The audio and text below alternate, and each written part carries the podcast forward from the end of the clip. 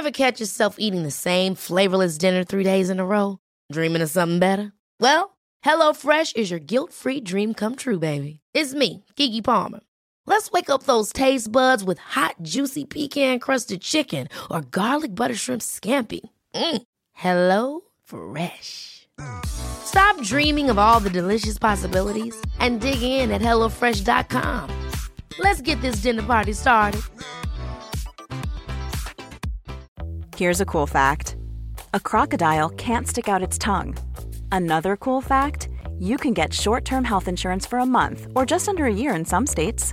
United Healthcare short term insurance plans are designed for people who are between jobs, coming off their parents' plan, or turning a side hustle into a full time gig. Underwritten by Golden Rule Insurance Company, they offer flexible, budget friendly coverage with access to a nationwide network of doctors and hospitals. Get more cool facts about United Healthcare short term plans at uh1.com. There's never been a faster or easier way to start your weight loss journey than with PlushCare. PlushCare accepts most insurance plans and gives you online access to board-certified physicians who can prescribe FDA-approved weight loss medications like Wigovi and Zepbound for those who qualify. Take charge of your health and speak with a board-certified physician about a weight loss plan that's right for you. Get started today at plushcare.com slash weight loss. That's plushcare.com slash weight loss. plushcare.com slash weight loss.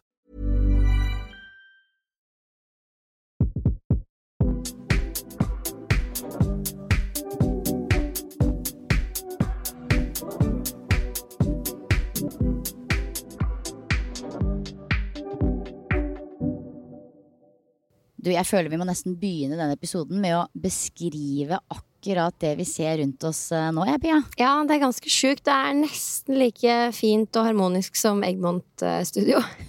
Nesten. Nei, altså Vi ser på noen eh, seilbåter som svever forbi på havet her. Det er en frisk bris i lufta, og det er vel en drøye 30 varmegrader. Ja, og ikke bare havet, men altså det mest turkise vannet jeg noensinne har sett i hele mitt liv, er det faktisk. Med noen fantastiske fjell i bakgrunnen som minner om gamle vulkaner. Og når jeg snur hodet mitt, så ser jeg inn på det lille huset du bor i, som er hvitt med blå vindusruter, og bak det igjen et gigantisk fjell, og over det helt blå himmel. Ja, det er, eh, det er magisk, rett og slett. Og vi må klype oss litt i armen idet vi går i gang med dagens innspilling av treningspodden. Dette er helt unikt. Det er unikt, for vi er nemlig på yogareise. Eh, på Lefkada, eller Lefkas. Lefkada. Vi kaller det Lefkada.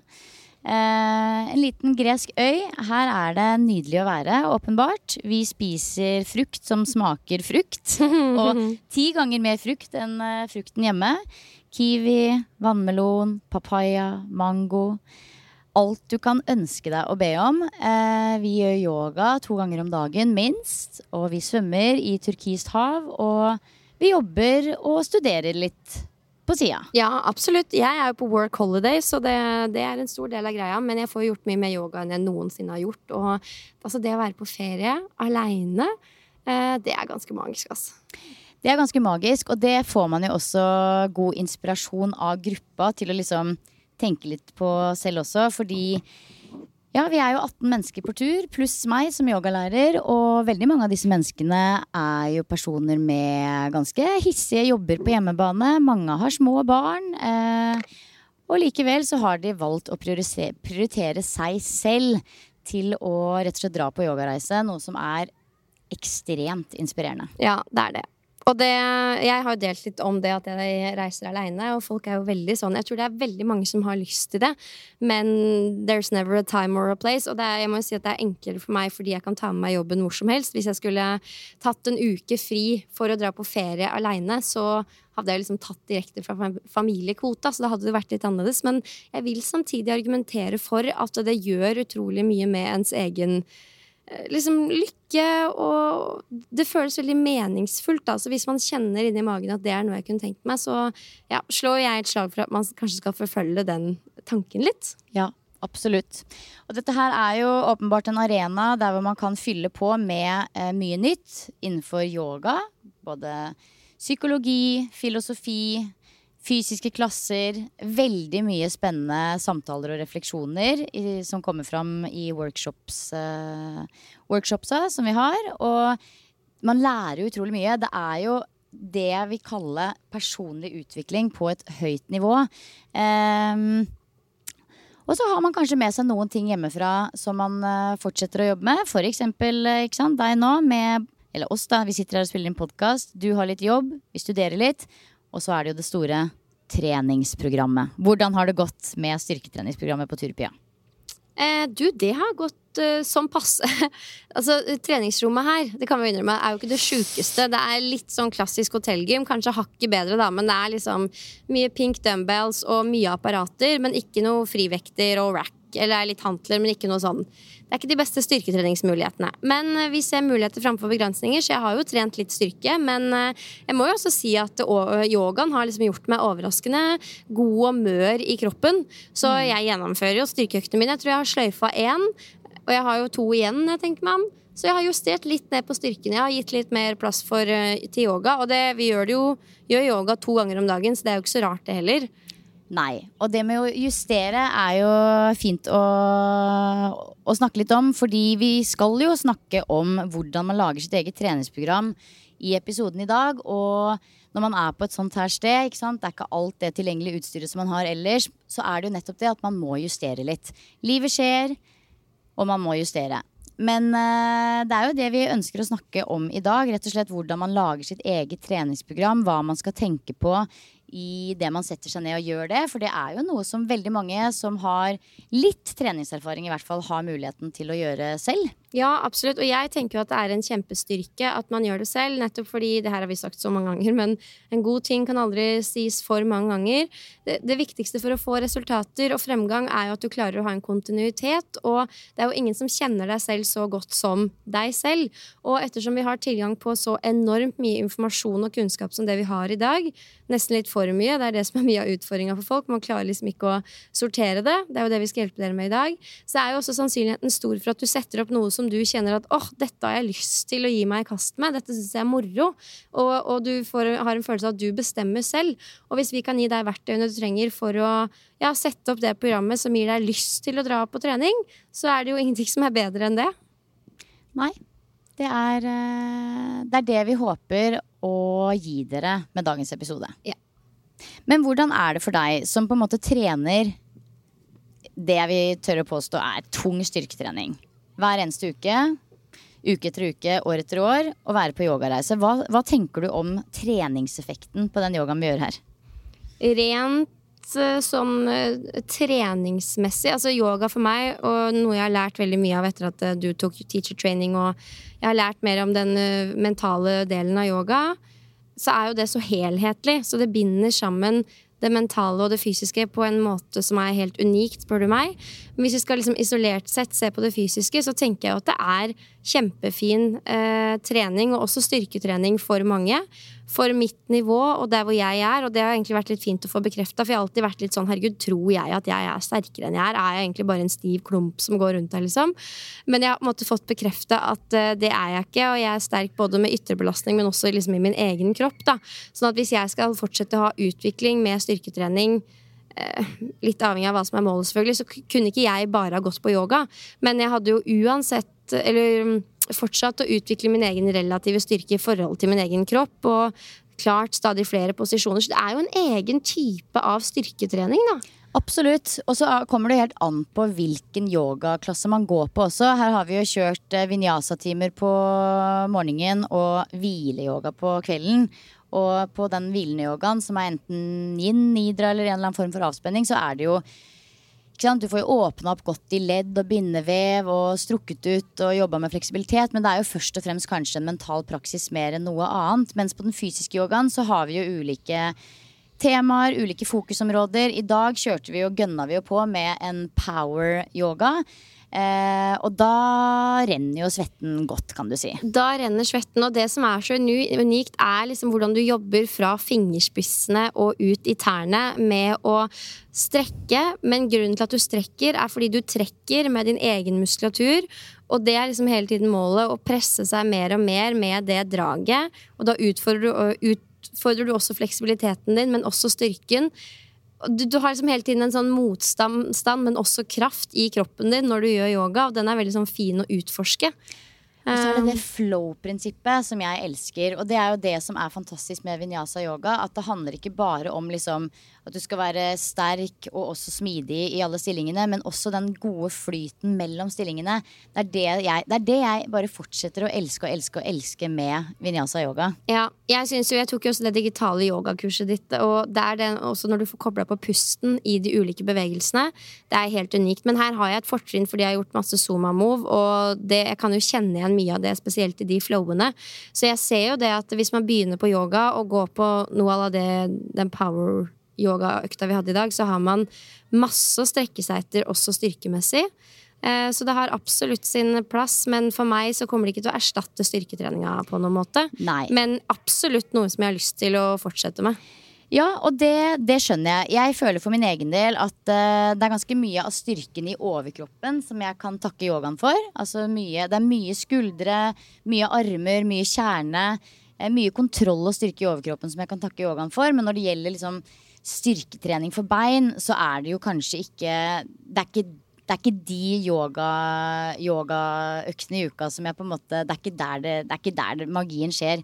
Men samtidig, for litt sånn den vanlige mannen og, og, og kvinnen i gata, som kanskje ikke trener sånn kjempemye, så vil en litt sånn god, dynamisk, kraftfull vinyasa yoga kanskje være mer nok, egentlig, i forhold til å styrke opp også bein. Absolutt. Og så er det ikke draining. Altså sånn, jo, du kan bli ganske sliten av f.eks. en sånn power yoga-økt. og Alt kommer jo an på utgangspunktet ditt, men jeg tror jo også at med den eh, blant annet den avspenninga på slutten, så vil du alltid føle deg Du har en form for god energi og overskudd både etter økta, og du er kanskje ikke liksom most dagen etter på samme måte som man føler at man er etter en styrketreningsøkt. Eh, mange føler at de blir så tunge i kroppen etter styrketrening, og det kan jo stemme fordi man etter tung styrketrening restituerer, henter seg inn igjen, og da kjennes man tung ut. Men hvis man hadde restituert lenge nok til at man var 100% så hadde man jo forhåpentligvis kjent seg som en loaded gun, altså som at muskulaturen er som en strikk som er klar til å gønne på. Men fordi vi liksom gjerne ofte gjentar den styrketreninga relativt kjapt etterpå, så kjenner man seg litt tung hele tiden, kanskje. Og, og det tror jeg man slipper når man gjør en treningsform som yoga, fordi man aldri går så hardt ut, da. Og det tror jeg kjempemange har godt av i dagens uh, samfunn, hvor det er jobb og unger og kjør og går. Det er ikke for alle å gå helt i kjelleren på trening. Nei, og det er jo også dette regnestykket, det har vi jo også snakka mye om her nede. At det er, det er et regnestykke når man er hjemme i hverdagen. Det er ikke sant, du, du jobber, og du har familie. Det er liksom de to arenaene som tar mest tid. Og så på toppen av det så vil du kanskje ha litt god kondisjon. Du har lyst til å trene styrke. Og du vet at det også er lurt å trene litt mobilitet. Og det er jo, dette regnestykket, ikke sant, det går jo nesten ikke opp for noen. Men ved å ha en yoga En yogasession i uka hvor du liksom gønner på litt, så får du på en måte både jobba med det fysiske aspektet, du får jobba med mobilitet, du får jobba med styrke, og du får det eh, elementet som handler om å koble pust og bevegelse, og dermed også trene sinnet. Så det er en veldig sånn eh, det, er, det er absolutt noe som jeg selvfølgelig anbefaler fra dypet av mitt hjerte at man prøver å investere noe tid i, selv om jeg, jeg vet også at det regnestykket er kjempevanskelig. Ja. Og det er jo det som er magisk med å komme på en sånn her uke, at du får en mulighet til å fordype deg i praksisen. Fordi jeg vil si at egentlig alle som er her, noen er jo ganske litt nye også, men veldig mange har noe form for erfaring. Men da vi på dag én skulle liksom snakke litt om hvor vi kommer fra, hva slags forventninger vi har til reisen, og ikke minst erfaring, så er det jo nesten sånn at alle sier sånn Jeg har gjort en del yoga, men nå er det veldig lenge siden sist, og sant, ønsker å ta det opp igjen. Så det er en veldig fin mulighet til å fordype seg i praksisen.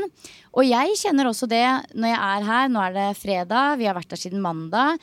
Jeg er her som yogalærer, og det er mye jobb eh, og arbeid i å undervise mye klasser og workshops. Men det er også en spirituell boost for meg i bare det å være her. Fordi jeg får også muligheten til å ta min egen praksis på morgenen før dere kommer opp i sjalaen. Både meditasjon, kanskje litt yoga. Eh, og det å liksom få lov til å være på et sånt unikt sted uten at du har en, så mye klokke å forholde deg til. Og det å være så tett på naturen, det er en spirituell boost i seg sjøl. Og jeg merker sånn at liksom alt, alle opplevelser blir litt sterkere. Så, så nevnte jeg dette med liksom frukten som smaker ekstra mye. Det gjør den jo, men du legger ekstra merke til det du, det å liksom ligge ute og flyte i dette turkise, salte havet, det er en kjempesterk opplevelse. Fordi du bare Du åpner opp sansene dine så veldig, da. Av å komme et annet sted, ta deg litt ut av hverdagens kjas og mas, og bare få lov å liksom fordype deg i yogapraksisen. Ja, og da må jeg også nevne folka. Altså, Ja. fordi når du drar på en sånn tur, enten det er yogareise eller på en treningsreise, du møter likesinna, du veit at de er like kalde koko i hodet ofte, og de, de er opptatt av de samme tinga som deg, og det, det kjenner jeg personlig at bare er så utrolig deilig, for jeg får på en måte bekrefta at eh, nei, du er ikke koko, det er bare at de du kanskje omgir deg med i stor grad, ikke alltid er like opptatt av det som du er, og det tror jeg mange kan kjenne seg igjen i. Man er glad i å trene, men man har ikke nødvendigvis masse venner som har det samme engasjementet. Eh, og når man drar på en sånn tur, så møter man likesinna som kanskje er enda mer i gåsehudene ekstreme enn deg, og det er helt greit. Altså, vi har med oss eh, masse folk med masse ulike interesser. Det er bare en sånn utrolig fin aksept for at alle er forskjellige. Alle gjør akkurat det de vil. Om du vil drikke eh, vin, dra ut, være på hotellet, legge deg tidlig. Man gjør akkurat det man ønsker, og det er helt greit. I tillegg til at man har så utrolig mange gode prater. Er sånn, Første dagen, tirsdag morgen, frokost. Jeg kommer satt meg med en gjeng. Ja, hei, Vi sitter bare og snakker om våre forventninger i denne yogauken og hva det betyr for oss, og du må gjerne bidra. Og jeg var sånn Dette her jeg skal være. Ja. ja, det er noe med det at man har dypere samtaleprat Altså man prater på dypere plan her med folk man aldri har møtt før, enn det man gjør med mange folk hjemme, og det er ganske unikt. Ja, det er litt, jeg, satt og spurte de bare sånn Hva er grunnen til at jeg kommer dypere ned nå med dere som har kjent i én dag, sammenligna med Ja. mange av vennene mine som jeg sammen med, har vært sammen med i 100 år, liksom? Det er veldig spesielt, og det handler nok om mennesketype. Det handler litt om at man liksom har meldt seg på, er på en reise sammen. Og så handler det jo også om litt sånn hva man opplever, da. Også, altså, og også disse arbeidsoppgavene. Det er jo for så vidt noe hvis du som lytter også kjenner sånn Fader, jeg har jo ikke mulighet til å dra på noe retreat. Det er ikke noe mulighet for noe spirituell boost for meg. Dette kan du gjøre fint hjemme hvis du ønsker det. Jeg ga jo Hva var det det var igjen, da? Jeg ga alle deltakerne tre oppgaver på dag én. Og det var nummer én Skrive hva Ja. man er takknemlig for. Skrive tre ting hver dag man er takknemlig for. Det er jo det å praktisere santosha, tilfredshet, takknemlighet. Det var oppgave nummer én. Oppgave nummer to. Vær 100% til stede i det du er i samtale med andre. Du kan selv velge om du ønsker å snakke med andre mye eller lite, men i det du er i en samtale, se dem i øynene, vær til stede, legg egoet til side. Prøv å riste litt av deg det behovet for å fylle på i samtalen, men la den andre få lov å prate. Og oppgave nummer tre Nå ser jeg på meg og forventer at jeg skal huske det, men jeg husker det ikke. Ja, ikke sant? Jo, jeg husker det. Det er å være open-minded. Ja. Og det handler om at man går inn i uka, det kan dere gjøre hjemme også, rett og slett med et open-minded sinn. At du er åpen mot nye erfaringer, nye opplevelser, nye mennesker, men ikke-dømmende holdning. Det er jo veldig fort gjort at man liksom Det kan jo skje også her på yogareisen. Man møter et menneske og tenker sånn Ja ja.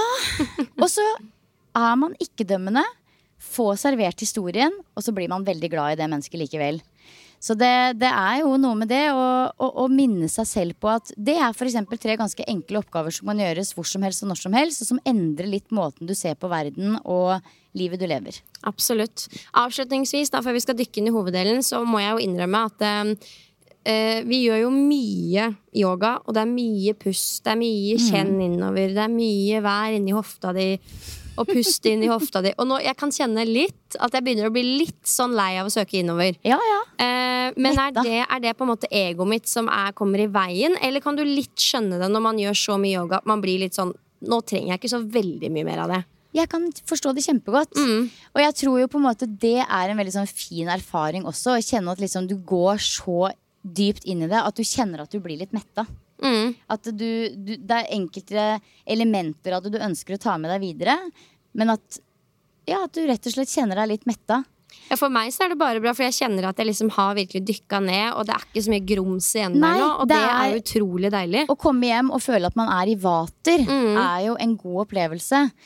Kontra det å komme hjem fra en partytur og kjenne at du må bruke to uker på å komme i vater. Ja, herregud. Ja. Og forskjellen er kanskje sånn, hvis du legger deg ned den, hva heter den hvilestillinga du har gjort når du har gjort en Shavasana. Ja. Og da kunne jeg ofte kjenne når vi var på treningsreise sammen i mai, at liksom gråten kom. Uten at man skjønte hvorfor. Men det bare, det var mye følelser som bobla, som en grytende kokende gryte, liksom. Eh, mens nå, etter å ha vært på den reisen som vi var på på Rådås i mai, jobba litt med det i sommer og vært her nå, så er det ikke noe sånt. Når jeg ligger der og kjenner og er innover, så er jeg klarer å slappe av og bare være. Det betyr ikke at jeg har løst alle eh, de vanskelige tankene eller problemene, men det er mer bare at man har tatt litt stilling til det og sett det og gitt det litt oppmerksomhet og akseptert at det, ja, det er der, men eh, jeg har det fint for det om, liksom. Og det er noe jeg tror man får til ved å tørre å dykke innover eh, litt oftere, da. Det er jo ganske utrolig at vi nå ja, er i Hellas igjen. Og guess Herregud. what? Ja, vi skal jo ha en ny treningsreise, vi. Samme tid neste år. Ja, det er mange som har mai eh, lurt 2024. Ja, mange som har lurt litt på det der. Eh, det blir ny reise med meg og Silje 5. mai 2024. Og ja, hvis man har lyst, lyst til på å ha en reise i kalenderen, så er det et alternativ. Det er det absolutt. Så ja. Det er jo noe å se frem, oss, frem mot Ja, flere Gud. oss. Det er det jeg kommer til å trøste meg med på huset hjemme, nei, på flyet hjemover. Liksom sånn. Jeg har en ny reise i Kyp i um, Herregud, som jeg stokker orda i dag. Jeg har en ny reise i oktober til Kypros med Sølve. Og så skal vi på tur igjen i mai. Ah, fantastisk. Det er bra. Ja. Men nå Ja, men du, altså jeg har enda mer spørsmål. Jeg har enda mer Det spørsmål. jeg. Dette her er ikke direkte relatert til yogareisen, men forrige episode så snakka vi om dette med at du har et lite prosjekt på gang når det gjelder mat. Du, lang historie kort, du skal logge din egen mat for hjelp av en kostholdsveileder denne høsten for å bygge mer muskler. Du skal opp i energi og bygge muskler. Og det, er vi, det, det, det, har jeg, det har jeg sett. Jeg har ikke fått svart på noe som helst, for jeg har ikke hatt tid til, men det har vært mye kok i innboksen pga. det. Mange syns det er kjempekult at du skal eh, Det er ikke noe man hører så mye om, egentlig, at jenter skal opp i vekt. Eh, men det syns folk er inspirerende. Men det jeg er nysgjerrig på da, er hvordan er det å være her, hvor det er buffé til frokost og buffé til middag, i forbindelse med å logge mat. Hvordan har du oversikten på hva du spiser?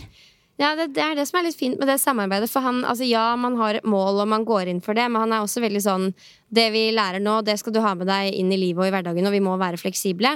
Så øh, han var sånn Du kan helt fint bare ikke logge, men jeg er jo, gjør dette her for å lære, og jeg er jo på den reisen her for å studere og liksom jeg er ikke her på ferie sånn sett, og jeg syns det er moro. Så nå er jeg egentlig bare mest sånn at jeg logger på øyemål. Eh, Og det går jo så som så. Vi kan aldri vite om det stemmer helt, liksom. Men eh, det styrer jo litt de valgene jeg tar i buffeen, og jeg har litt mat her på rommet som jeg passer på å få i meg i løpet av dagen. Og jeg merker at jeg må virkelig gå inn for å få, gå inn for å få i meg det jeg skal.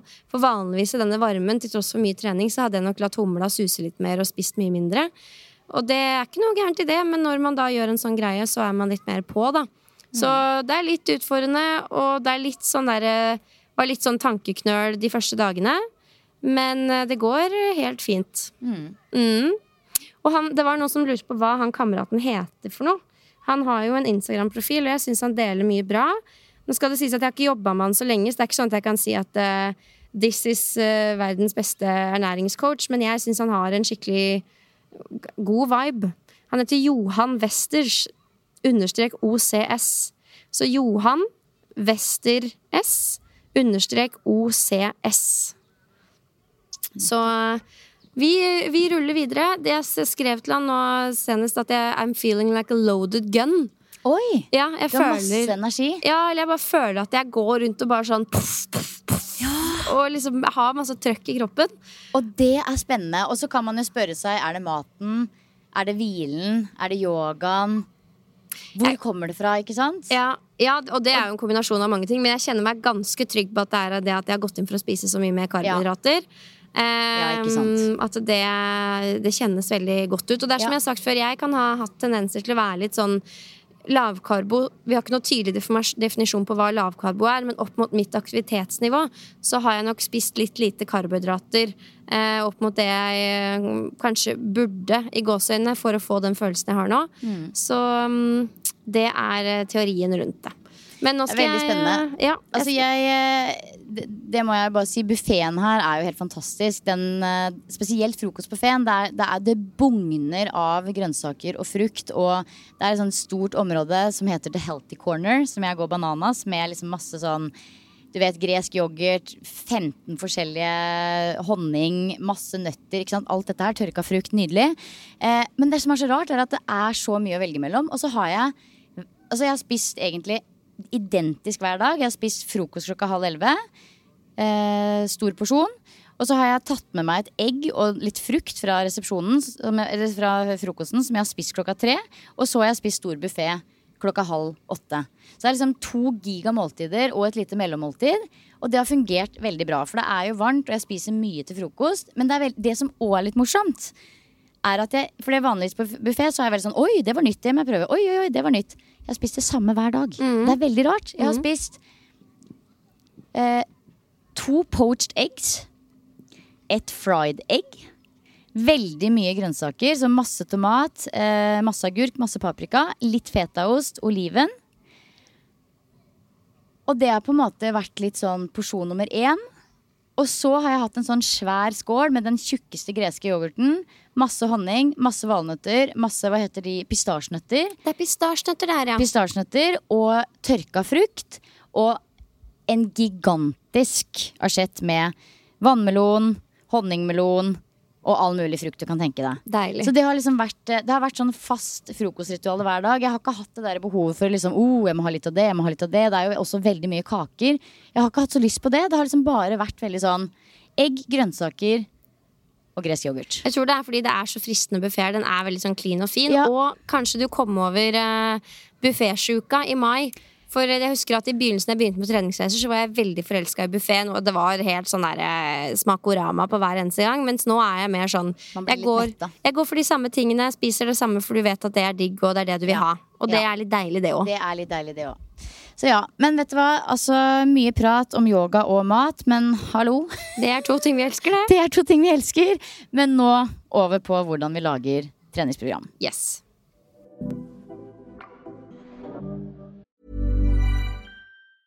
Hi, I'm Daniel, founder of Pretty Litter. Did you know cats tend to hide symptoms of sickness and pain? I learned this the hard way after losing my cat, Gingy. So I created Pretty Litter, a health monitoring litter that helps detect early signs of illness by changing colors, saving you money and potentially your cat's life. Pretty Litter is veterinarian developed, and it's the easiest way to keep tabs on your fur baby's health right at home. Go to prettylitter.com and use code ACAST for 20% off your first order and a free cat toy. Terms and conditions apply. See site for details. Here's a cool fact a crocodile can't stick out its tongue. Another cool fact you can get short term health insurance for a month or just under a year in some states. United Healthcare short term insurance plans are designed for people who are between jobs, coming off their parents' plan, or turning a side hustle into a full time gig. Underwritten by Golden Rule Insurance Company, they offer flexible, budget friendly coverage with access to a nationwide network of doctors and hospitals. Get more cool facts about United Healthcare short term plans at uh1.com. There's never been a faster or easier way to start your weight loss journey than with PlushCare. PlushCare accepts most insurance plans and gives you online access to board-certified physicians who can prescribe FDA-approved weight loss medications like Wigovi and Zepbound for those who qualify. Take charge of your health and speak with a board-certified physician about a weight loss plan that's right for you. Get started today at plushcare.com slash weight loss. That's plushcare.com slash weight loss. plushcare.com slash weight loss. Du, jeg er i rumpa. Jeg Gjett hvorfor. Det er fordi at du har sittet og gjort abduksjoner i et apparat. Jeg trente styrkegø i går, og jeg kom liksom sånn der woho, til Pia etterpå og var sånn Gjett hva jeg har gjort. Fordi det er sikkert mange som har det på gymmet enda, men i det det gymmet jeg jobber, så har vi ikke hatt det på mange år. Et sånt apparat hvor du setter rumpa ned, og så skyver du knærne ut til siden. Abduksjon. Og altså, man får altså den villeste pumpen i rumpa på det apparatet. Og det var jo litt som Pia nevnte, det er et uh, ganske greit hotellgym, men det mangler jo knebøyrack og tunge nok vekter til å kjøre liksom tunge sett på bein. Så da blei det liksom eh, å bytte ut en del ting med f.eks. denne abduktoren. Og det står ikke i programmet, men eh, det kjennes godt i dag, ja. Ja, jeg skal, jeg, har, jeg skal trene bein en av de dagene før vi reiser hjem, og da har jeg litt sånn piston squat og skater squat og sånn på agendaen, og så står det sånn apparatsirkel til failure okay. på slutten. Å, gøy. Så apparater har sin plass, det, men alt må jo ses opp mot eh, målet, og det er kanskje et eh, fint sted å starte når vi skal snakke om dette med treningsprogram. For altså, et treningsprogram kan jo være så mangt. eh, Og vi har tidligere nå de siste ukene snakka litt om eh, å etablere en form for motivasjon. Spørre seg selv hva vil du gjøre, hvorfor vil du gjøre det, og hvordan skal du gjøre det. Så det er jo dette med hvordan som vi skal snakke litt eh, om i dag, da. Det er det. Vi har vært inne på både treningsprinsipper og eh, målsetning i episodene tidligere i august. Og nå er det rett og slett veldig praktisk episode i dag. De andre er jo litt mer flytende ting. Ish. Nå er det ganske praktisk hvordan lage eget program. Men det er styrketrening vi snakker om her òg. Ja, ikke- vi må jo eh, snevre det litt inn. Vi har jo snakka stort sett om styrke de andre episodene ish Mm. også, så jeg tenker styrketrening er eh, bare for å keep it simple, rett og slett. Mm. Men eh, det er jo for så vidt de samme prinsippene som gjelder her også. Hva er målet? Ja ja, gud. Det må styre Det styrer jo alt. Ja. Men vi kan jo begynne med litt ehm, dette med et program. Jeg tenker Et spørsmål man stiller seg, er jo hvor mange ganger i uka har man mulighet til å trene. Det avgjør ganske mye i forhold til hvordan det programmet skal se ut. Ja, og det er et fint sted å starte. For jeg føler at veldig mange tenker sånn Ok, hvor mye burde jeg trene? Sju ganger i uka? Ok, men da gjør jeg det. Og så glemmer man liksom å se på timeplanen sin. Hva man har tid til, og ikke minst hva man har ressurser og kapasitet til. For det er viktig å huske på at eh, resultatene du får av treninga, avhenger også av i hvor stor grad du klarer å restituere mellom slaga. Eh, Så det må også inn i regnestykket. Så start med å se på timeplanen din, og, og kjenn etter når kan jeg trene, hvor lenge kan jeg trene, eh, hvordan er restitusjonen min, og prøv å la det på en måte legge grunnlaget for hvor mange økter i uka du setter opp, da. Ja. Man kan jo også tenke seg at sant, det er eh, Hvis man ser for seg at man bør ha et visst antall sett per muskelgruppe i uka, så er det jo sånn at nybegynnere de trenger ikke nødvendigvis all verdens for å få god eh, respons, mens folk som har trent en stund, de trenger litt flere sett i uka. Så spørsmålet er jo da om du skal ha disse settene fordelt på to program og, og, og bruke ganske lang tid på, på hver økt, eller om du skal f.eks. jobbe med splittprogram, sånn som du gjør den høsten her, Pia. Mm. Så de fleste vil jo få gode resultater med program der hver øvelse eller muskelgruppe da trenes mellom to til tre ganger per uke. Med tre til fire relativt harde sett. Det avhenger av hvor ofte du trener og hvor ofte du utfordrer den eh, muskelgruppa. Men vi snakker gjerne om eh, RIR, RIR, altså reps i reserve. Så hvis det står åtte til tolv reps, og så i parentes én RIR, så betyr det at du skal føle at du kun kunne gjort én repetisjon til med god teknikk. Det er viktig å få med. Så mm, Ja, så, så er jo en liten sånn regel også at hvis, hvis Ikke en regel, men noe man kanskje kan basere, basere det på. Planen sin er at hvis du har mulighet til å trene to til tre ganger i uka, kanskje det er hensiktsmessig med fullkroppsprogram, trene hele kroppen hver gang. Ønsker man å trene fire til fem, så er det kanskje hensiktsmessig med splittprogram for å få restituert musklene godt nok mellom øktene. i eh, Sterkere nå, og det, jeg tar det opp bare fordi det er også treninga jeg selv kommer til å gjøre, men jeg ønsker å åpne opp for at man skal kunne trene både to økter noen uker og fire økter andre. Og der har vi to helkroppsøkter, og så er det to økter utenom det. Én på underkropp og én på overkropp. Og det er, kan jo være litt fint å gjøre det sånn, for da vet man ok, jeg får i hvert fall de to øktene. Da får jeg dekka liksom the bare minimum, og alt utover det er bonus. Det er også en fin måte å gjøre det på hvis du vet at du vil løpe for eksempel, ved siden av, og det er like viktig for deg som styrketreninga. Eh, da kan det være litt hemmende å ha en beinhard beinøkt som gjør at du er tung i beina resten av uka. Bedre å da fordele beintreninga litt over to økter, sånn at du er, eh, kan løpe litt innimellom der, da. Absolutt. Og så er jo spørsmålet hvor mange øvelser Idet du setter deg ned og skal lage et program Ok, jeg skal lage meg et fullkroppsprogram.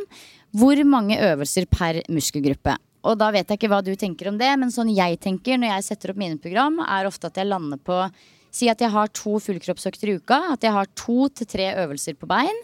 Eh, og to øvelser per muskelgruppe utover det. Det høres eh, meget bra ut, Ja. Det høres riktig ut. Og så er det noe med dette med hva slags type øvelser. Og der tror jeg at istedenfor å snakke om spesifikke øvelser, så kan vi begynne med å tenke litt mer på hva slags type bevegelser. At i et program eh, som er full kropp, så bør man tenke at man skal ha både knedominante øvelser, som eksempel knebøy.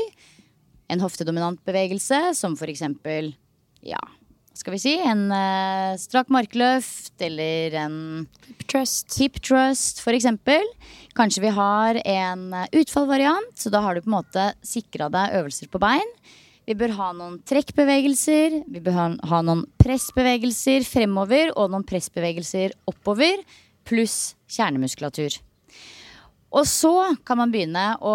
Hvis du setter disse Si at du, du nå setter opp et program. Du lager deg disse eh, fem Disse kategoriene. Skriver det ned. Og så kan du skrive ned ulike øvelser som, som eh, går innunder de ulike kategoriene, og velge derifra. Mm. Så kanskje du velger deg ut noen øvelser eh, på programmet som du nå skal kjøre i en periode fremover. Og så kan du gå tilbake, finne fram kategorien og lage et nytt program om eksempel tolv uker.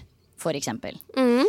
Det er jo en fin måte å liksom bare praktisk sette seg ned og lage et program. Ja, og så tenker du to til tre sett. Du kan jo for eksempel de første tre til fire ukene kjøre to sett per øvelse, og så øker du til tre, tre sett etter hvert.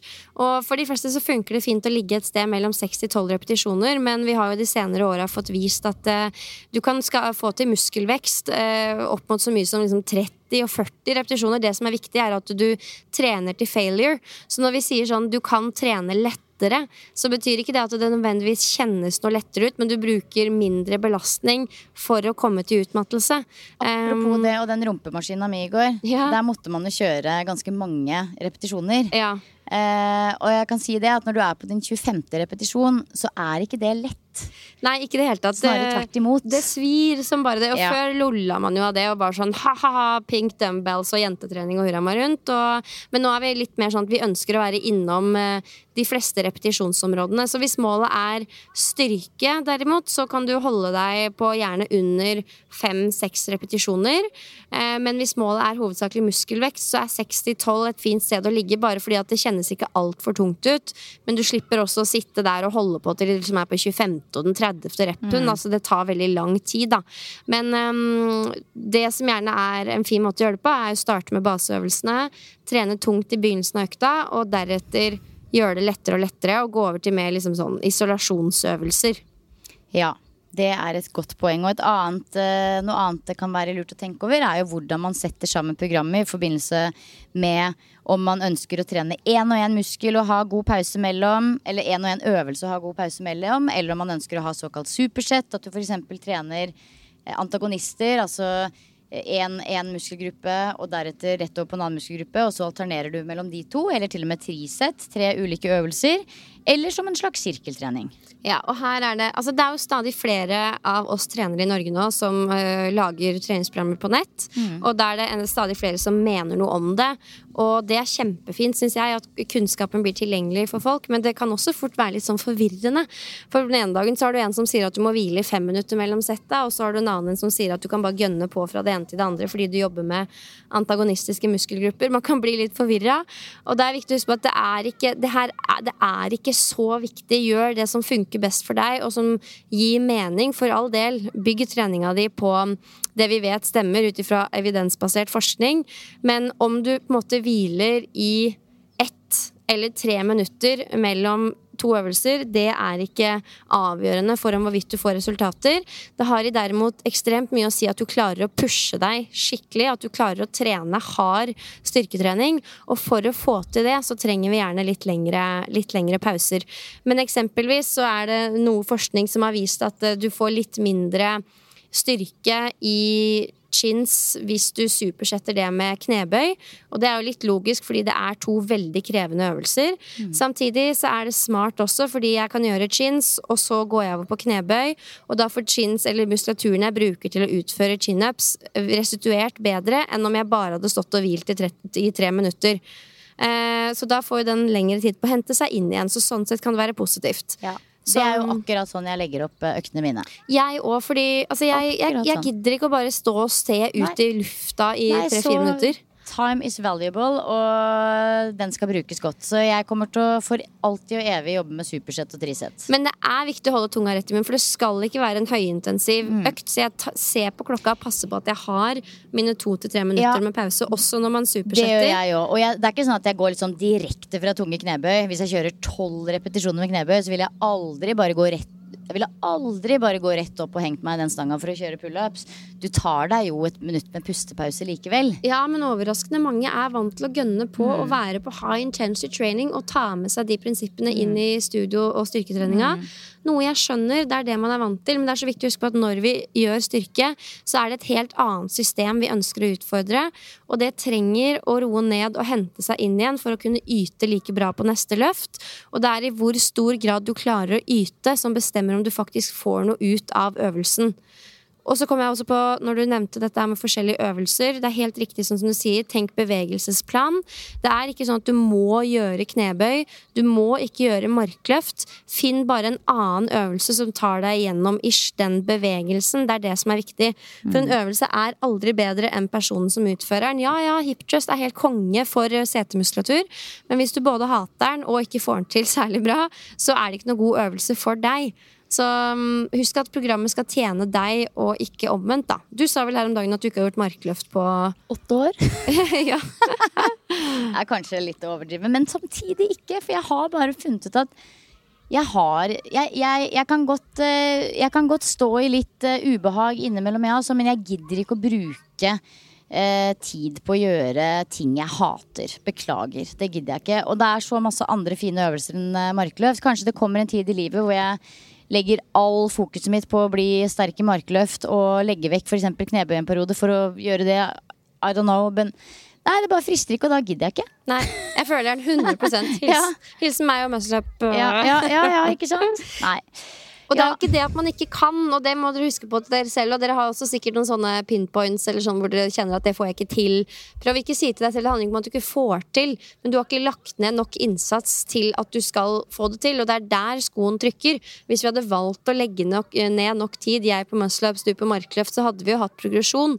Men da er det mest sannsynlig andre ting som er viktigere for deg, og du er nok tjent med å bygge treninga di rundt det som du syns er om ikke det er så forbanna moro hele tiden, det tenker jeg ofte på når jeg går inn for å trene styrke, så er det heller det at det kjennes veldig meningsfullt ut for meg, både på et personlig plan, men også med tanke på jobben min, og det er det som er min motivasjon.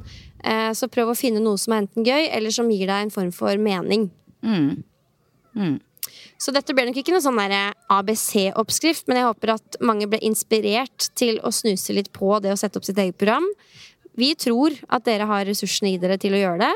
Ja, og jeg tror jo også at det vi har delt i dag, og hvis du også i tillegg tar med deg det vi har snakka om de siste to ukene, så har du jo absolutt Da er du ganske godt innsikten. rustet, ja, det er da, sant, da er du godt rusta. Du trenger jo ikke mer enn det. Nei. Jeg har ikke så mye mer enn det, og jeg lager mine egne program år etter år. Så det er det jeg har å by på. Ja, det er, det er jo det. Vi prøver jo å gjøre trening eh, vanskelig og snakker og snakker og snakker om det, men egentlig så er den største jobben er å møte opp, Ja, gjøre ja. det uke etter uke.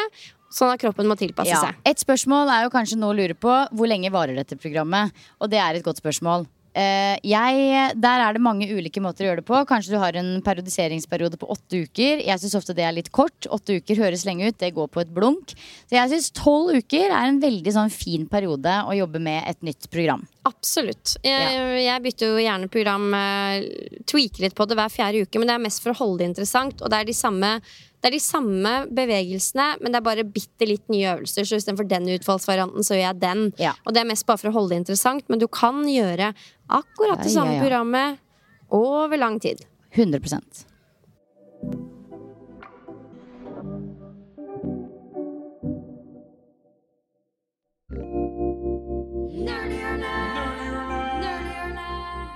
Like the nerds we are. Det er bare å lene seg tilbake, Silje. and Enjoy the information. Jeg vet lurer på om jeg legger meg ned. Ja. Vi elsker Nerdehjørnet. Vi elsker det så hardt. Jeg har begynt å ta det ut litt eh, på Instagram òg. Folk der òg. De digger Ja. det. ja, men det er Åh, fy søren. Og jeg husker når vi liksom snakka om sånn, hva skal vi kalle den spalten? Så var det bare sånn Nerdehjørnet. Ja, og den satt med Den en satt gang. med en gang. Det var ikke noe vits å snakke om noe annet. Jeg føler jeg er så fornøyd med at vi har funnet en spalte som vi bare Vi digger den. Mm.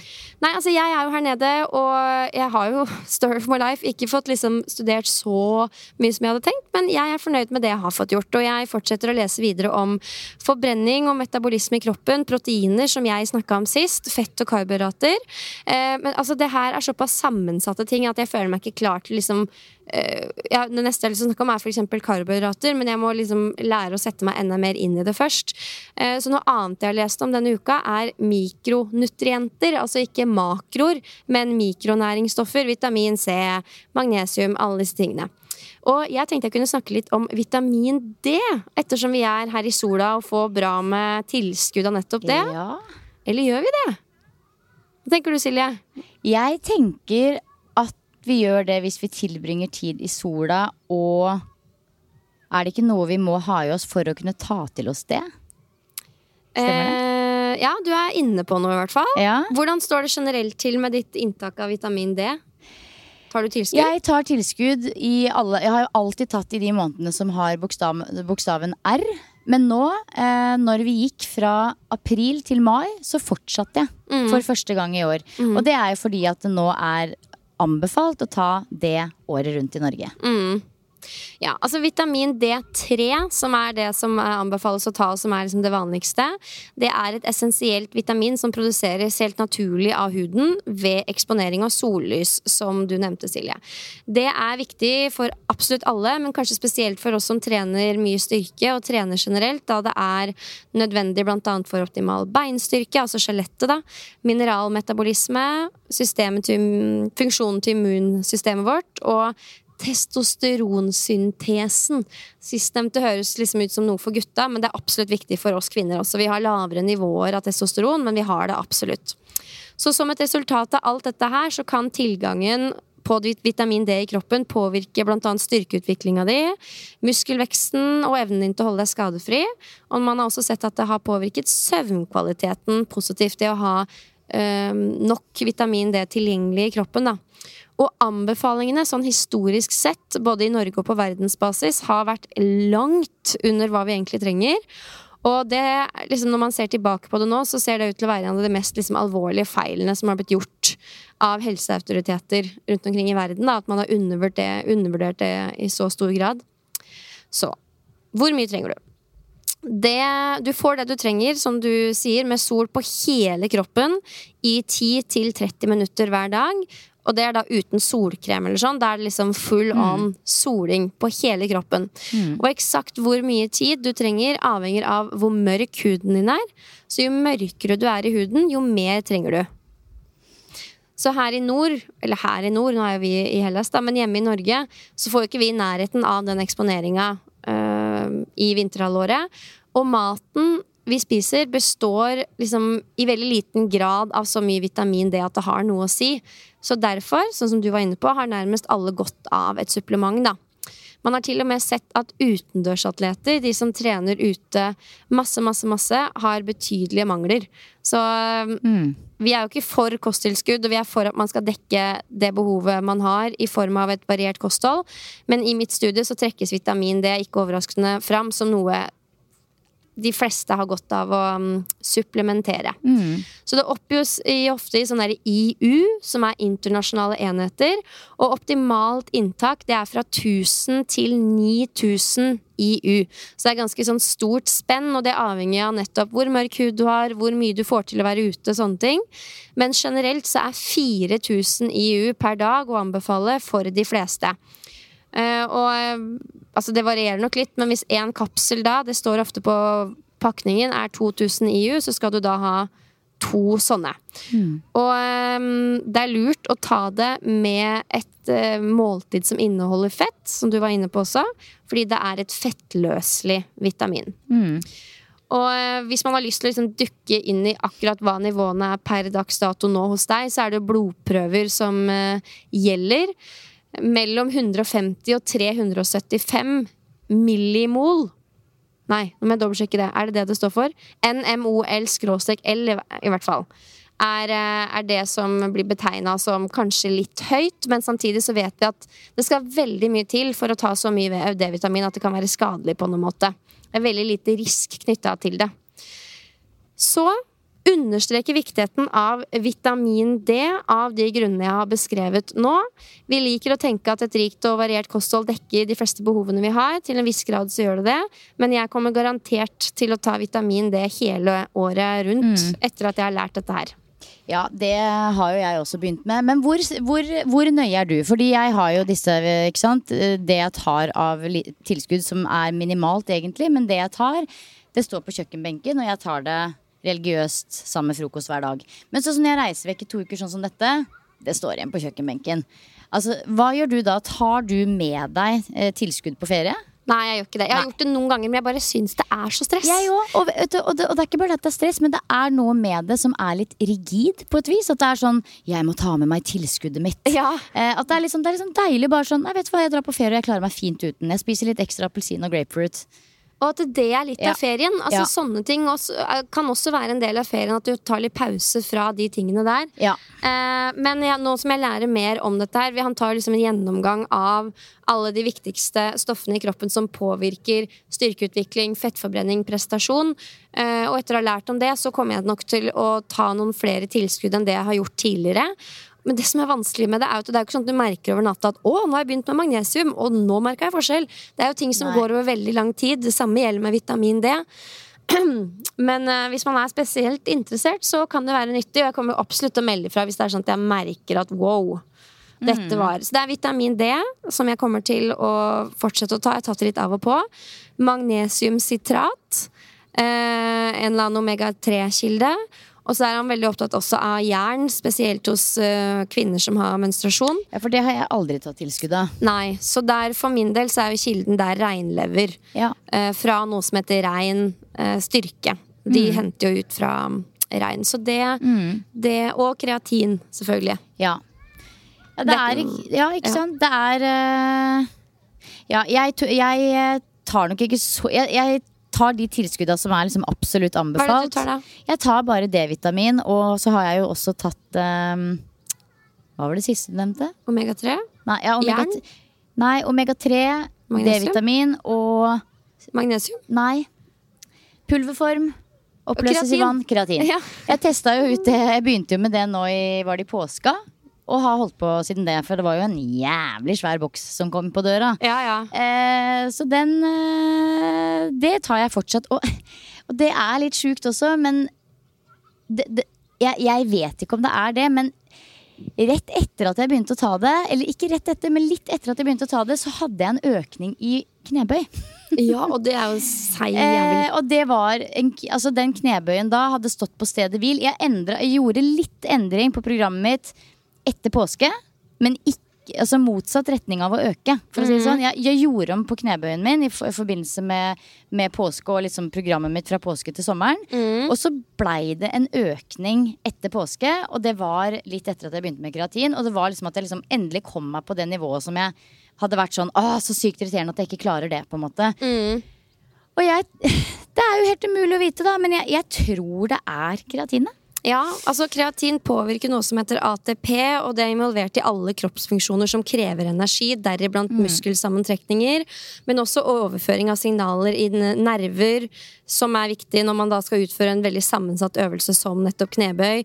Hjertets funksjon, transport av stoffer gjennom cellevegger. Altså Det er veldig mange ting som peker på nå at kreatin er bra, ikke bare for folk som trener styrke og vil ha fremgang, men også av kognitive årsaker. At det er et veldig nyttig stoff å ta som tilskudd. da Ja, så det er jo en interessant observasjon Ja, er observasjon en du har gjort av deg. interessant observasjon. Og ja, nei, jeg, jeg fortsetter å ta de få tilskuddene jeg tar nå, som er anbefalt. Og så tok jeg jo også i fjor høst en eh, blodprøve der jeg fikk sjekka av alle verdiene mine. Sendte jo også til en ernæringsfysiolog, Silje Bjørnstad, som sjekka av alt. Og jeg ligger veldig bra an på absolutt alt. Eh, og, og det gjaldt også Jeg logga også da maten i tre dager eller fem dager eller hva det var. Og det gjaldt også eh, sammensetningen av liksom proteiner, fett, karbohydrat for det jeg driver med. da Så jeg føler at jeg er veldig sånn på rett sted, og jeg, jeg har ikke så lyst til å bruke masse tid på maten mer enn det jeg gjør. Jeg syns det er veldig gøy å bruke tid på matlaging og, og liksom eksperimentere med smaker og vegetarisk og plantebasert og alt dette her.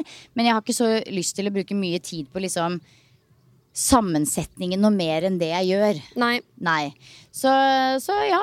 Det er, eh, men det er jo veldig spennende, da. Ja, men det er jo også en del av min reise å finne ut av hvor jeg føler at eh, kosten overstiger nytten. Ja. Eh, jeg mener ikke at alle skal gå rundt og telle kalorier og holde på og styre på. Jeg vet ikke om det er noe jeg kommer til å verken anvende meg selv eller anbefale andre i framtida. Men eh, som jeg har nevnt før, jeg må walk the talk først, og så gjøre meg opp en mening. Men bare for å avslutte det med D-vitamin, hvis man ønsker å undersøke selv, eh, så er det 50 nanomol hvis man tar blodprøver, er det som liksom anses som tilstrekkelig. Så betyr ikke det at man ikke kan ligge høyere, men i hvert fall det da skal du være på. Men jeg må understreke også at jeg tar jo Dette er et kurs jeg tar, og vi deler villig med dere. Men ikke, ta, ikke stol blindt på det jeg sier, nødvendigvis. Nå skal det sies også at det er ikke noe skadelig å ta vitamin D-tilskudd. Det kan ikke skje noe galt. Men eh, jeg er ikke lege, det vet dere alle, så mm, ja, ha det i bakhodet. Ja, jeg tenker hvis man, hvis man mistenker selv at man kanskje har noen mangler eller har behov for kosttilskudd, tilskudd, something, something, så er jo det en fin prat å ta med legen sin, Ja. rett og slett. Absolutt. Ja.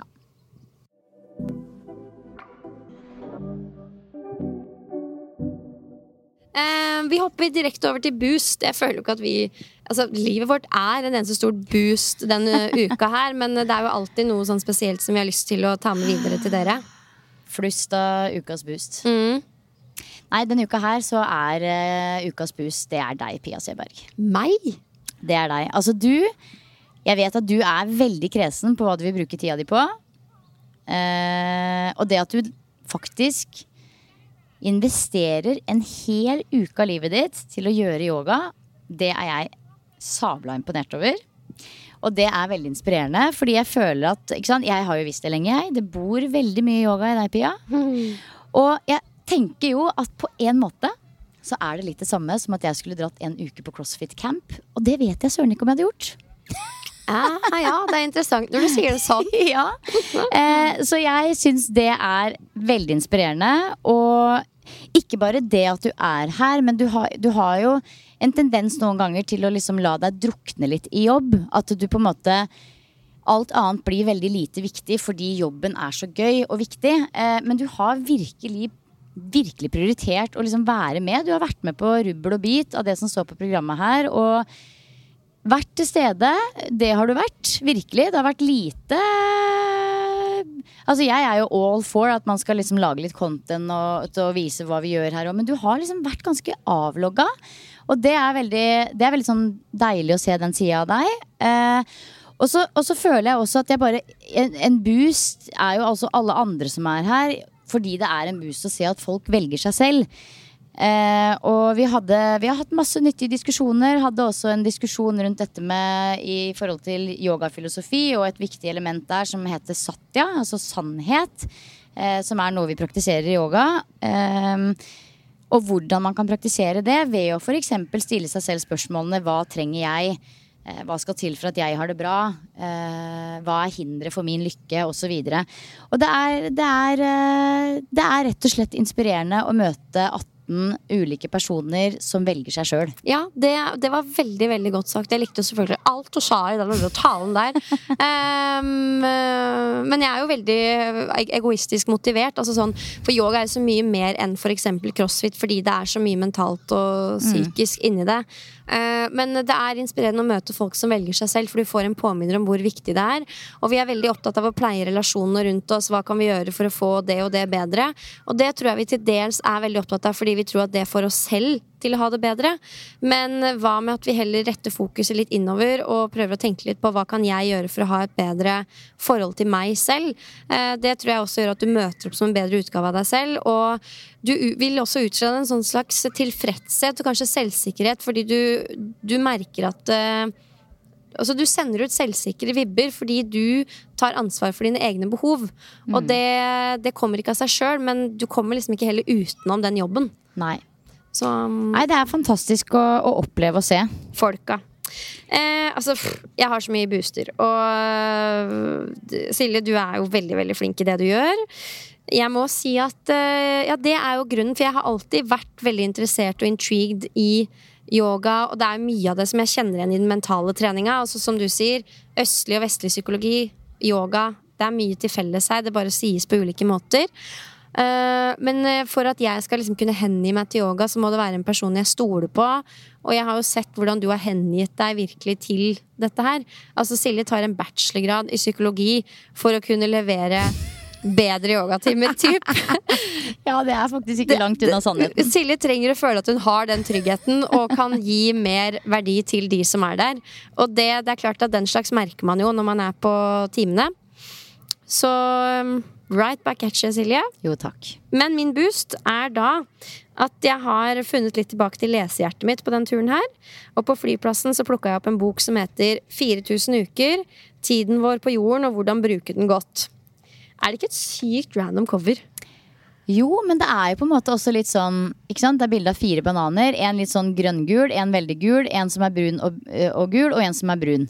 Ja. Så det er litt sånn, ikke sant? Du er, du er fresh eh, på et tidspunkt, og så blir du brun. Så blir du bare brun og jævlig til slutt. Rynket og, og gammel. Men da er du veldig søt og god, da. Ja, det er du. Det er en bok som handler om hvordan vi bruker tida vår. Og jeg, en av mine viktigste verdier er jo utvikling. Jeg er opptatt av å bruke tida her og nå til å komme meg et sted. Men denne boka her er en sunn motvekt til det. For hvis du hele tiden gjør ting i nuet for å komme et sted i framtida, så er du jo egentlig aldri helt til stede. Altså Den minner meg på det at du kommer aldri fram. Og det er så viktig å huske på at vi hele tiden har den balansen mellom ja, jeg skal dit, men jeg er her og nå, da. Og da var det én konkret ting som ble skrevet som jeg har lyst til å ta og liksom snakke med dere om. Eh, Det er vises til en situasjon der eh, en rollekarakter i en film, sykt random, han ber da mannen ved siden av seg om å lage en liste av de øverste 25 tingene han ønsker å få ut av livet. Ja. Og deretter rangere dem i prioritert rekkefølge. Liksom Det første er det viktigste, og den siste er den minst viktige. 25 ting. Så alle gjør det litt sånn psykisk i huet nå. Dere skjønner Herregud, greia? ja, jeg gjør det allerede. Fy søren. Og da råder han videre at de øverste fem er de han kameraten ved siden av og vi burde organisere tiden vår rundt. Det er det livet vårt skal dreie seg om. Og så tenker man jo da at han skal si noe smart også om de resterende 20 tinga. Hvordan skal vi få inn de? Men i motsetning til det vi kanskje tror, så forklares det at de resterende 20 ikke er liksom prioriteringer som du skal få inn på en eller annen måte. Tvert imot så bør vi unngå de for enhver pris. For de er ambisjoner som ikke er tilstrekkelig viktige til å forme kjernen av livet hans, men likevel fristende nok til å distrahere han fra det som er viktigst. Det er Og det det betyr, er jo at mine 20 resterende ting, det er ting jeg har lyst til, jeg syns det er kult, det kunne jeg tenkt meg. Så jeg bruker litt tid, ressurser og kapasiteter på det, og det gjør kanskje også til og med at jeg er litt misfornøyd med status quo. Men jeg har jo bestemt meg for at de fem første tinga, det er det viktigste. Det er kjernen i mitt liv. Og den boka her handler mye om at du må ta noen valg. Du må velge noe, og da velger du også automatisk bort noe annet. Og det gir en form av lykke og tilfredshet. Da. For hvis du hele tiden driver og vingler fra det ene til det andre, så påstås det at du ikke vil oppnå den samme graden av tilfredshet. Da. Jeg bare syns det var eh, interessant. Det var veldig interessant. Og det, det var jo også en overraskende vri på det, ja. Ja, veldig. Eh, Åh, for det, det er jo, ikke sant Den lista, da, hvis man setter seg ned og lager den, så tror jeg det er lurt nesten å lage den og late som man ikke vet at man skal fjerne de 20 første. Hvis ikke så vet jeg ikke om han er ærlig. Ja, det er et godt poeng. Fordi, og det var, han, han fyren som måtte gjøre den øvelsen i boka, han fikk jo vite det først etterpå. Ja, for det er jo litt sånn vondt å ta bort en del ting. Men samtidig litt frigjørende òg. Ja, ja, det er jo absolutt det. For uh, man merker jo at ok, men det, da velger jeg bort det, om ikke i et livsperspektiv, så i hvert fall si i et år, da. Ja, i et år. For det gir muligheten. Sånn som deg, du har valgt å gå for yogaen. Det er mye annet du har lyst til. Du har lyst til å trene crossfit på Myren, så du. Mm. Ja, jeg har Men det. da hadde ikke du hatt mulighet til å studere psykologi og dykke inn i yogaen sånn som du er nå. Og da hadde du aldri helt følt at du hadde strekket til, strukket til verken her eller der. Mm. Jeg sier ikke at det her er noe fasit, og mange trives jo med å være litt all over the place, men det er allikevel et veldig interessant perspektiv. Og boosten i det for meg var bare at det var veldig sånn tydeliggjørende i forhold til hvordan jeg skal velge med familie, verdier, min egen utvikling, venner, relasjoner. Mm. Um, jeg vil ikke på en partytur nødvendigvis til Italia. Jeg vil være på yogatur med folk jeg ikke kjenner. Ja. ja, det er prioriteringer hele veien. Og jeg bare Det, det er en ting også som jeg tenkte på når du snakka nå, faktisk. Eh, I forhold til dette med at veldig mange tenker kanskje at de bruker mye tid på trening som de egentlig burde brukt med familie, og kanskje får litt vondt i hjertet og dårlig samvittighet når de bruker tid på trening og egentlig skulle vært med familien, men her kommer den. Vi har med oss en deltaker på denne reisen som er ganske mye eldre enn alle andre. 73 for å være nøyaktig. Ser ut som jeg er 60, men det er Ja, en annen story. og jeg må bare si det at hvis du er flink til å trene hele livet, og i tillegg ha litt flaks på helsas lykkelotteri og ikke får noen fæle sykdommer, så kan det hende at du er så sprek og frisk og har så god helse når du er 70 fuckings 3 at du kan dra på yogareise og treningsreiser, og du kan ta med deg barnebarn. Og du kan den, den tida du bruker på trening nå, som du kanskje har dårlig samvittighet for at du ikke tilbringer med barna dine, den kan det hende du kan kjøpe deg inn igjen på et seinere tidspunkt. Hvis du bevarer helsa. Mm. For det, det er motivasjonen, det. Det er veldig motivasjon. Tenk å kunne være ikke sant? Du er pensjonist. Du har all verdens med tid. Du har kanskje ok økonomi. Du kan dra på en yogareise, og du er sprek nok til å henge med. Mm. Altså, hva, hva slags, Det går ikke an å måle den verdien i noe annet. Nei, det er helt insane, faktisk. Så det, var, det har jeg tenkt på. Ja, men det er ikke sant Det å ta en runde på hvorfor bruker du egentlig denne, ti denne tiden på trening. For det er viktigere for meg å være en som trener, enn å se vennene mine seks ganger i uka. Men hvis du kjenner en sånn dårlig magefølelse på at du er på trening, så kan vi spole tilbake til det vi snakka om litt tidligere med tanke på Lever du for fremtida? Er du der og pusher deg og sliter deg gjennom noe som du egentlig hater, men du skal et eller annet sted langt der framme i tid? Da må du, altså, du må kjenne etter på disse tingene 100% selv. Men ja. Jeg, jeg, Ja. jeg kunne snakka om dette veldig Ja. lenge. Jeg skal ikke gjøre det. Ja. Men boka jeg heter i hvert fall 4000 uker, tiden vår på jorden og hvordan bruke den godt, av Oliver Burke. Burkemann. Burkman. Burkemann. Veldig sånn filosofisk, eh, reflekterende bok, så kanskje for spesielt Ja, interesserte. jeg skal lese den, jeg òg. Ja, den var veldig Det skal jeg. fascinerende. Og nå kjenner jeg at denne kroppen må spyles. Det er sånn at jeg nesten føler at jeg må ta en dusj med såpe før jeg går i havet. Fordi altså jeg er så svett at det er helt sjukt, liksom. Eh, Pia var sånn Kanskje vi skal ta den podkasten på verandaen? Nei da. Nei, men det er sånn at jeg kjenner faktisk nå på ekte at jeg lukter litt vondt. Så nå, nå skal det bades. Det er så fascinerende. Man må lukte under og bare sånn Å, herregud, Ja. er det meg? Ja, for nå har jeg gått rundt i Nå er klokka ett. Nå har jeg gått rundt og vært svett siden klokka sju. Ja, Det er en vanlig hverdag, det. Ja, Men vanligvis så tørker jo denne svetten når det bare fortsetter å renne. Ja. Nei, det er, eh, dette var jo en veldig veldig fin episode. Jeg er så takknemlig for at vi har treningspodden. og At Ja. vi to kan ha disse pratene, men også da med dere som lytter. Vet dere at dere har mye å komme med her òg, men dere slipper jo dessverre ikke til. Så, men uh, dere går nok i dere sjøl, noe vi håper. Og ja, vi vil bare bidra til at det, du har det best mulig, rett og slett. Ja. Takk for i dag, Pia. Og takk til dere lyttere, og ha en fantastisk uke videre. Yes. Ses på yogaen etterpå. Yes.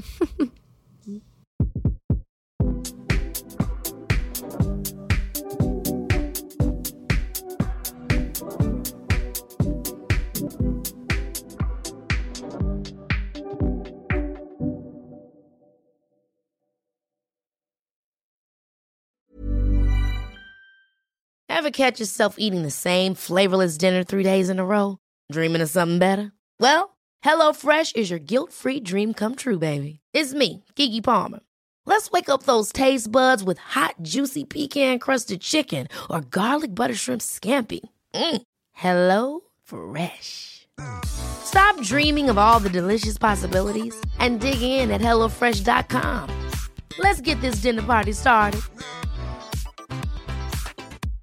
Imagine the softest sheets you've ever felt. Now imagine them getting even softer over time. That's what you'll feel with Bowl and Branch's organic cotton sheets. In a recent customer survey, 96% replied that Bowl and Branch sheets get softer with every wash. Start getting your best night's sleep in these sheets that get softer and softer for years to come. Try their sheets with a 30-night guarantee. Plus, get 15% off your first order at bowlandbranch.com. Code BUTTERY. Exclusions apply. See site for details.